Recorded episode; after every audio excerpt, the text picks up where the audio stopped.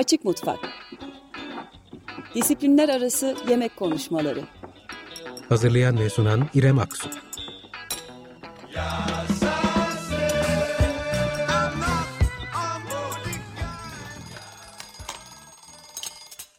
...95.0 Açık Radyo Açık Mutfak'tan herkese merhaba. Ee, bu, bu hafta değerli bir konuğum var. Cilber Barutçıyan bizimle olacak. Peki ne konuşacağız? E, mantar özetle. E, Cilber Bey mikolog ve Türkiye'nin Mantarları bir kitabının yazarı, e, mantar uzmanı diyebiliriz. Evet. Değil mi? Hoş geldiniz. Hoş bulduk, iyi yayınlar. Teşekkür ederim. E, ve bugün e, çok güzel bir yerde yapıyoruz yayını. Dinleyicilerle paylaşmak istedim. E, çünkü pandemi boyunca hep evlerden yapıyoruz. Daha yeni konuklarımızla buluşmaya başladık aslında. Stüdyoda değiliz ama bugün Çiğa'dayız. Kadıköy'de. E, çünkü Cilber Barutçıyan ilk kitabın daha kapsamlı bir çalışmasını içeren aslında Makro Mantarlar e, kitabının imza gününü düzenliyor bugün burada. E, kendisini burada yakaladık. Tekrar hoş geldiniz hoş diyorum. Bulduk. Şimdi e, konu çok uzun, e, zamanımız az. O yüzden size e, giriş sorusuyla şöyle başlamak istiyorum. Mantar nedir? Şimdi karşımıza çok fazla e, aslında işte sudan oluştuğuna dair bakteri midir, e, bitki değil, hayvan değil. Bu sorunun cevabını en iyi sizden alırız diye düşündüm. Mantarla başlayalım Mantar. aslında. E, tarih boyunca, uzun yıllar boyunca insanoğlu mantarların birer bitki olduğunu düşünmüş olsa da geçtiğimiz yüzyılın ortalarına doğru gelişen bilimsel analiz teknikleriyle mantarların evet bazı özellikleriyle bitkilere benzediği ama daha diğer bazı özellikleriyle hayvanlar alemine daha yakın olduğu görülmüş. Bunun için bilim mantarlara bir e, evren adamış. Yani her hepimizin bildiği bitkiler alemi var. Hepimizin bildiği bir e, hayvanlar alemi var. Bundan sonra bir de mantarlar alemi diye bir alem koyulmuş. E, mantarlar bu alemin içinde inceleniyor. Sadece genel kültür için söylüyorum. Şu anda e, bilim bilinen bütün canlıları 5 alem üzerinden sınıflandırıyor. Tekrar ediyorum hayvanlar, bitkiler eskiden beri bildiğimiz mantarlar sonra ekleniyor. Daha sonradan da kabaca bakteriler ve virüsler alemi diye bir alem var. Mantarlar bu 5 alemden sadece bir tanesi. Evet, e, yapısal olarak neden oluşuyor peki? Mantarı e, düşündüğümüzde e, bir gövde var, baş var. Tabii ki bu, bu da detaylı bir soru ama bir structure olarak düşündüğümüzde aslında mantarı oluşturan şey ne? E, mantarların e, gövdesini oluşturan, hücre zarlarını oluşturan e, maddenin ismi kitin, mikokitin. Kitin normalde hayvanların hücre zarlarını oluşturan madde. Biz burada mikokitin diye or, e, enteresan bir kitinden bahsediyoruz. Bu mikokitin sayesinde zaten e, mantarların ete benzer bir kıvamları oluyor. Hı hı. E, bu yüzden de yıllar boyunca yanlışlıkla et kadar proteinik, e, balık kadar protein içerdikleri düşürülmüş. E, bu tamamen yanlış. Yeni analizlerle baktığımız zaman evet mantarların içinde eser miktarda protein var. Çünkü protein içermeyen canlı türü diye bir şey yok. Fakat mantarların içerdikleri proteinleri de insan vücudu özümsemiyor. Yani mantarları birer protein kaynağı olaraktan vazgeç, görmekten vazgeçmeliyiz.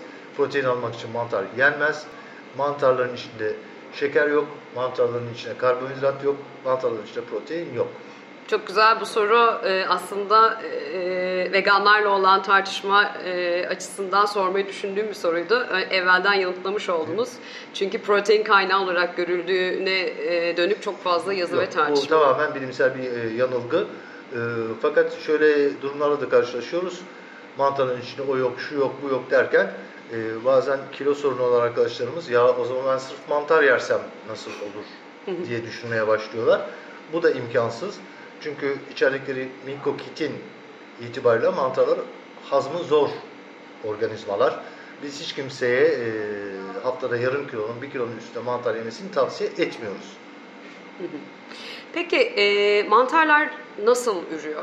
Yani e, deyimlerde bile aslında e, ismi geçen bir şeydir bu mantar gibi çoğalmak. Evet, e, mantar gibi çoğalmak ama aslında mantarlar e, bizim topladığımız şapkalı olarak gördüğümüz çayırlarda, ormanlarda gördüğümüz mantarlar aslında büyük bir organizmanın meyveleri.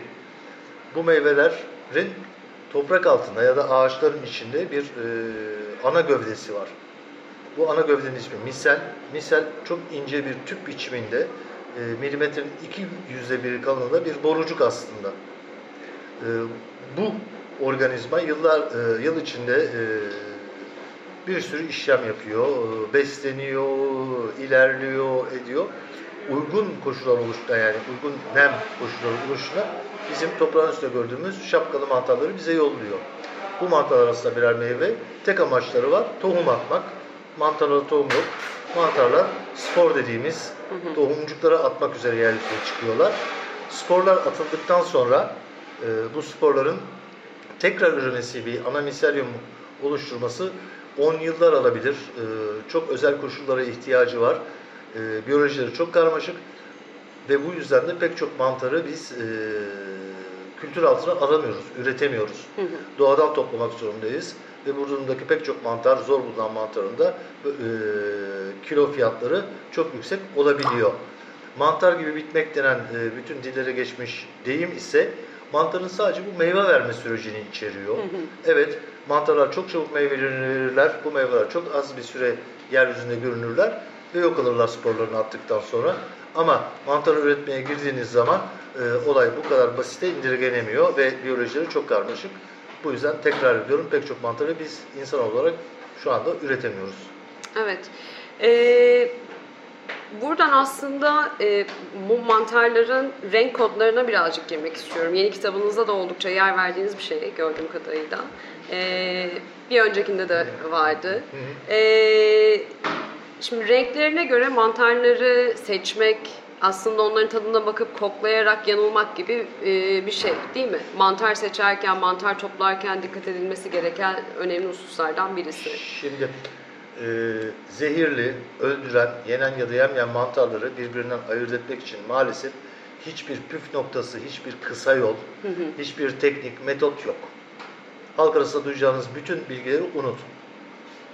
Aynı şekilde renkler konusuna girdiğiniz zaman da e, bazı genellemeler duyacaksınız. İşte en parlak renkler en zehirlilerdir. Bu genellikle balıklar için söylenir. Mantarlar burada da e, bizi şaşırtıyorlar. Çünkü her renkten mantar var.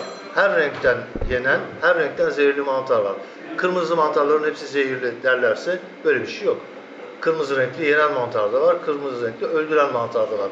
Bu genellemeler, renk kodlamaları mantarlarda zehirli ya da zehirsiz olarak ayırmak için kesinlikle geçerli değil ve çok yanıltıcı olabilirler. Peki e, hangi iklimde biz e, mantarlara, mantarların üremesine daha çok tanık oluyoruz ya da hangi iklimde? Mantarların üremek yani e, meyve vermek için e, üç ihtiyaçları var.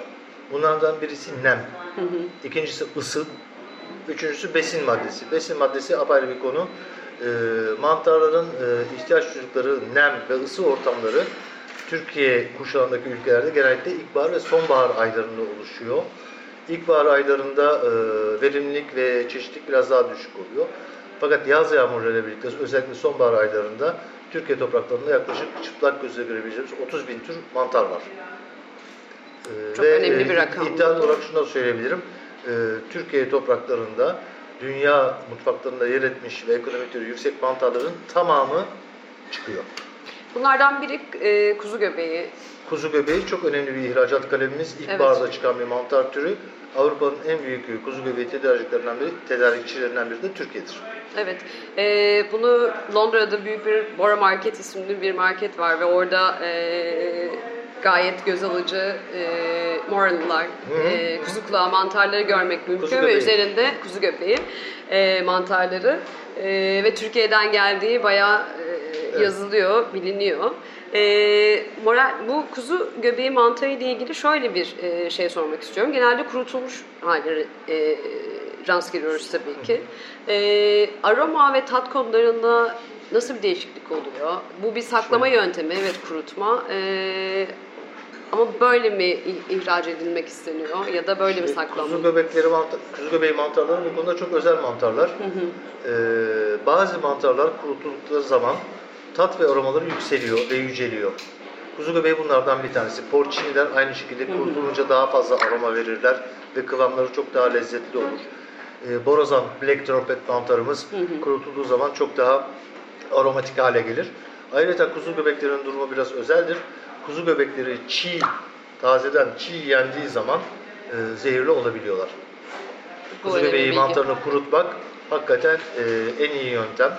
Kolay kuruyan bir mantardır. Kuruduğu zaman mantarınızı 2 sene, 3 sene hava geçirmez bir ortamda saklayabilirsiniz. Oysa ki yaş mantar, çiğ mantar e, günler içinde uygunsuz koşullarda bozulabilir. Ve bozulabilen her mantar, bozulan her mantarda zehirli hale gelir, zehirli moleküller üretir. Bu bozuk balık, bozuk yumurta, bozuk peynir yemeye benzer. E, onun için kuzu göbek, göbeği mantarları kurutulması tavsiye edilir. Ayrıca İsviçre gibi bazı ülkelerde bu mantarın e, çiğden taze satılışını yasaklamayı düşünmekte. Çiğ dediniz. Çiğ mantar yenir mi peki? Çok az sayıda mantarın çiğ yenmesine izin veriyoruz. Yaklaşık 10-12 tür mantara e, tolerans gösteriyoruz. E, bunların arasında beyaz kültür mantarımız var. Porciniler, çiğ yenebilen mantarlar. E, e, trüf mantarları zaten çiğ olarak tüketilirler, pişirilmezler. Bunun dışında 8-10 tane tür daha belki ekleyebiliriz. Ama e, tavsiyemiz diğer mantarlar için e, en az 20 dakika ku- e, kuvvetli ateşte pişirmeli, pişirilmeleridir. E, trüf dediniz. Hı hı. Buradan oraya e, gelmek istiyorum. Uzun zamandır özellikle gastronomi e, trendleri arasında e, çokça karşımıza çıkıyor. Trüf, trüflü malzemeler, trüfün katıldığı yağlar vesaire gibi ya da soslar. E, bu yükseliş neye bağlıyorsunuz? E, neden trüf bu kadar popüler ve pahalı üstelik? Yani e, bütün trüfler pahalı değil. Yaklaşık 150 tane tür trüf tanıyoruz. E, Bunlardan sadece iki tanesi çok yüksek ekonomik değere sahip. Bunlar birincisi e, İtalya'nın Piemonte bölgesine mal olmuş alba trüfü ya da beyaz trüf. Bilimsel ismi Tuber magnatum. İkincisi Fransızların Perigord bölgesine mal olmuş e, siyah trüf Tuber melanosporum. E, beyaz trüf için e, 6000 eurolara kadar çıkan kilosu 6000 eurolara kadar çıkan fiyatlar görüldü yok senelerinde. Fransızların siyah trüfü de 1000-1500 eurolar rahatlıkla etmekte. Bundan sonra gelen trüfler e, ki- kimisi 40-50 dolarlık, e, 20 dolarlık e, piyasa değerleri var. Fakat özellikle ülkemizde bu bayağı karıştırılıyor ve bu olaydan faydalanan pek çok e, e, müessese var. Bütün trüfler pahalı değildir. Bazı trüfler gayet ucuzdur. Mesela bizim bilinen e, tarih boyunca bildiğimiz keme, domal adını verdiğimiz Tarpezia arenaria bir trüf ailesindendir. Fakat hem lezzetli değildir hem o kadar çok miktarlarda bulunur ki bu mantarı beyaz trüf fiyatına satmak e, etik değildir bence. Satılıyor mu peki? Deniyorlar, alırsanız e, satıyorlar. Ee, e, ben enteresan bir şeye denk gelmiştim. Bilmiyorum doğru mudur ya da bilginiz var mıdır trüfle ilgili. Ee, sanıyorum Rönesans'la birlikte e, tekrar yükselişe, yükselişe e, geçtiği ve ardından da e, Avrupa'daki aslında e, tü- trüfün e, sayısının 400 tonlara, 2, 2000 tonlardan 400 tonlara düştüğü gibi e, bir şey duydum ama bilmiyorum bunun bir aslı var mı? Ee, senesine bağlı olarak trüflerin e, verimliliği değişken olabiliyor. Fakat eski çağlarda insanoğlu trüflere hiç değer vermiyor. Ee, Ciceron bile trüflerden bahsediyor. Hatta trüflerin ağaçların köklerinde yetişen, e, oluşan urlar olduğunu söylüyorlar. Tüber ismi buradan geliyor, ur Evet. anlamına. Eski çağlarda trüflere o kadar değer verilmiyor. Ee, son dönemlerde, son 100 yıldan beri bir gastronominin yükselişiyle beraber bazı trüflerin çok büyük para ettiğini biliyoruz. Fakat tarihte yazılı izine ilk rastladığımız mantarlarda trüfgillerden biraz önce e, sözünü verdiğim, e, sözünü ettiğim keme domalan mantarı Terfezia arenaria Evet. milattan önceki 3500 yıllarındaki e, Sümer yazıtlarında bu mantarın izine rastladık. E, kral yemeği olarak görülüyorlar. E, Çok güzel. fakat Tamam. çok pahalı değiller. Buradan zaten e, merak ettiğim bir diğer soruya geçelim. Mantarları, e, yenebilir mantarları mutfakta nerede karşımıza çıkıyor, nerede rastlıyoruz ve Türkiye'de e, ya da Osmanlı'yı düşündüğümüzde mutfak mutfağa girmesi aşağı yukarı ne zaman? Osmanlı'da saray mutfağına hiçbir zaman için mantar girmemiş. Yaptığımız hiçbir araştırmada mantarın izine rastlamadık. Bu da zaten eski Roma'dan geliyor. Bazı Roma İmparatorluğu'nun mantarla zehirlendiği, bazı papaların mantarla zehirlendiği konusunda rivayetler var. Osmanlı e, saray mutfağına mantarı almamış. Halk biraz mantar yemiş. O da biraz e, gıda arayışından gelmiş. Halkımız daha çok tanımlanması çok kolay. Lezzetli olmasa bile yanılgı payı olmayan mantarlara yönelmiş. E, Bunu çok sık görmekteyiz. acı mantar dediğimiz mantarı bütün Anadolu tüketiyor. Lezzetsiz. Önce kaynatıyorlar, sonra suyunu döküyorlar, sonra sıkıyorlar, sonra pişiriyorlar gibi. Fakat bunun yanında da çok değerli bulduğumuz, bugün çok değerli bulduğumuz bir, Amanita caesarea mantarını kullanmıyorlar. Kanlıca mantarı çok kolay tanımlanan bir mantar. Çıntar, melki gibi isimleri Hı hı. var. E, halk mutfağına son derece yaygın olarak görüyoruz bu mantarı. Fakat en lezzetli mantarlar bunlar değiller. Sadece tanımlanmaları kolay ve zehirli değiller. Evet bir de mutfaklara girdikçe galiba e, sadece o bilgiyle sınırlı kalıyor. Birazcık daha keşfetme hevesini Evet. kıran bir şey. Ama son yıllarda işte insanların maddi refah seviyelerinin yükselmesi, Avrupa'ya daha rahat e, ya da dünya mutfaklarına daha rahat seyahat edebilmemiz artı e, doğal ürünlere karşı olan ilgi ve arayış mantarlara olan ilgiyi son derece arttırdı. Umarım biz de kitaplarımızda bu ilginin artmasında bir rol oynamışızdır. Evet eminim. Ee, buradan da oraya e, gelelim. Ee, siz aynı zamanda e, bir rehberlik de ediyorsunuz. Mantarla ilgili e, bilgi sahibi olmak isteyenler, toplamak isteyenler Evet. değil mi? Belgrad buluşmaları var bildiğim kadarıyla. Belgrad, Polonezköy, e, Bolu, Kastamonu, Türkiye'nin pek çok mantar zengini yerinde eğitim faaliyetlerimiz var. Biz bunlara arazi çalışması diyoruz. Evet. Ama tamamen e, iklim koşullarına tabiiz. Bazı seneler e, 20-30 kere araziye çıkıyoruz arkadaşlarımızla. Bazı kurak senelerde çok daha az çıkıyoruz. Ama her sene illaki biraz mantar buluyoruz. Evet. e, peki yeni kitaba gelelim. Buyurun. E, makro mantarlar. E, bir öncekinden farklı olarak Cinko Bilim Yayın Evi'nden e, çıkmış önümde. E, içinde bir takım e, okuyucuların e, aslında okuyuculara rehberlik edecek işaretler Hı hı. var. Biraz e, bahsedebilir misiniz? Bu kitapta ilkinden ilki artık yok bulunamıyor. E, yani bakıp e, meraklıları fark etmişlerdir. E, Birçok kitap evinde e, arayıp bulamayan arkadaşlarım hatta sizi konuk edeceğimi söyleyince e, belki bir bilgi ediniriz diye düşünüyorum ama sanırım yok artık piyasada. Yeni kitapta e, meraklıları ne bulacak? İlkinden farklı olarak ya da ona ek olarak. Şimdi e, ana bilgiler e, bazı bilimsel güncellemeler dışında aynı kaldı.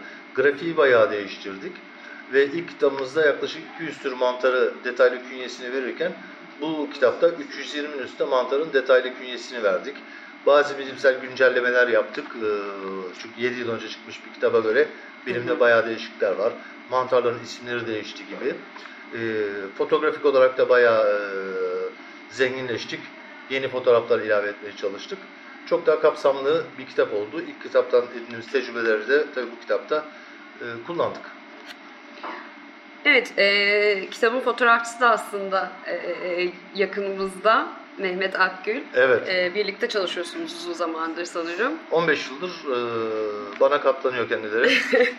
E, kitabın fotoğrafları da harika. Bu bir rehber niteliğinde. Ben önce lügat dedim ama siz rehber diye düzelttiniz. E, içine baktığımız zaman çünkü e, bir uzun bir girizgahın ardından mantarları tanımaya başlıyoruz ve mantarların etimolojik kökenleri, Türkçe isimleri, İngilizce, Fransızca, Almanca isimleri, e, bu mantarların niteliksel olarak ve e, aslında fiyatlarının da bir skalası olan bir e, yıldızlı tanımlama işareti ve nerelerde bulunabileceğine dair küçük amblemler görüyoruz. evet. E, bu da e, hangi ağaçların altından İğne yapraklar demek bu gösterdiğiniz örnek mesela. Evet. E, gibi gibi. Evet ve e, iz- dinleyicilerimiz merak ediyorsa burada bir e, tarif e, kovalamak e, çok doğru olmayacaktır. Yok. Ama enteresan bir şekilde mantarların... Yenen, yenen mantarlar için bir e, bölüm açtık. Tadım önerilir diye. evet Tabii harika. ki burada e, bir aşçı olmadığım için e, yemek tarifi değil fakat tadım için öneriler veriyorum. E, mesela şu mantar Fransa'nın güneyinde kızartılarak yeniyor. Bu mantarı bulgur pilavında kullandık çok yakışıklı oldu gibi önerilerimiz var. Tabii ama burada bulgur pilavı tarifini vermeyi e, kendime e, Orada biraz şey liberal bıraktık. Evet, evet. Herkes istediğini yapsın. Peki e, şöyle bir şeye geri dönmek istiyorum. Şimdi e, çok yaygın bir e, eylem var. Mantarı aldığımız zaman genelde bu kültür mantarı oluyor maalesef Hı hı. yaygın haliyle. E, yıkıyoruz. Yıkamak, mantarı yıkamak doğru bir eylem değil. Değil. Neden Şimdi peki? özellikle doğadan topladığımız mantarları mümkün olduğu kadar yıkamıyoruz. Ee, yıkamamak için de topladığımız zaman çok özen gösteriyoruz. Mümkün olduğu kadar en temiz şekliyle alıyoruz. Doğadan aldığımız gibi tencereye koyuyoruz. Ama kimi zaman mecbur kalabiliyoruz yıkamaya.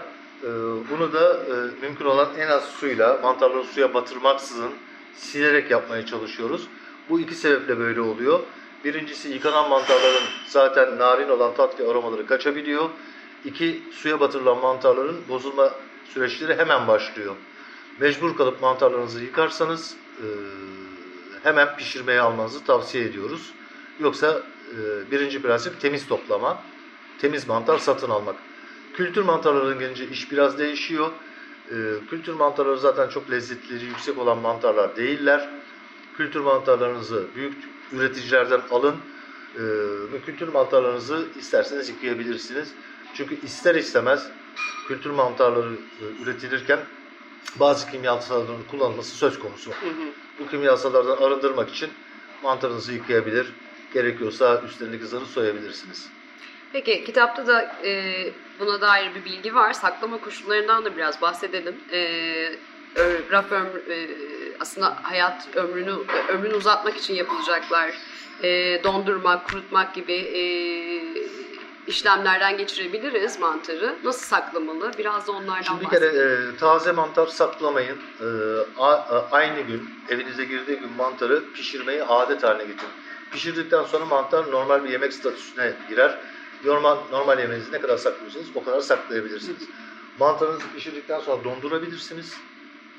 Ama çiğden mantar dondurmayın. Mantarlarınızı asla naylon torba gibi hava geçirmez ortamlara sokmayın. Çünkü hava geçirmez ortamda mantarlar saatler içinde bozulabilir ve toksik moleküller üretirler.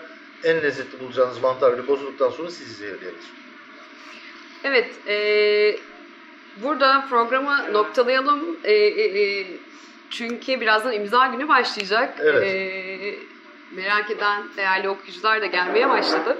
E, ben yayına konuk olduğunuz için çok teşekkür ederim. Ben teşekkür e, ederim. Eklemek istediğiniz bir şey var mı? Kitapa ulaşmak isteyenler yani Çiğa'da bugün imza günü ama nerelerde bulabilecekler kitabı? Biz sadece e, Instagram ortamında faaliyet gösteriyoruz. Başka bir şeyimiz yok. E,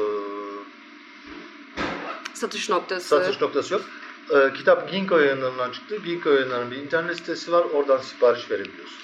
Sizin Instagram'ınızı da söyleyelim. Mushroom of Turkey. Turkey. Biraz İngilizce oluyor ya da Gilber yazıyla çıkıyor galiba. Evet, Gilber Barutçıyan'ı e, aratıp merak edenler kitaba e, Instagram üzerinden ya da Ginkgo Bilim üzerinden ulaşabilir diyoruz. E, çok teşekkür ederim konuk olduğunuz için. Ben teşekkür ederim. E, bu hafta da Açık Mutfak'tan bu kadar. İki hafta sonra aynı saatte görüşmek üzere. Hoşçakalın. Açık Mutfak Disiplinler Arası Yemek Konuşmaları. Hazırlayan ve sunan İrem Aksu. Ya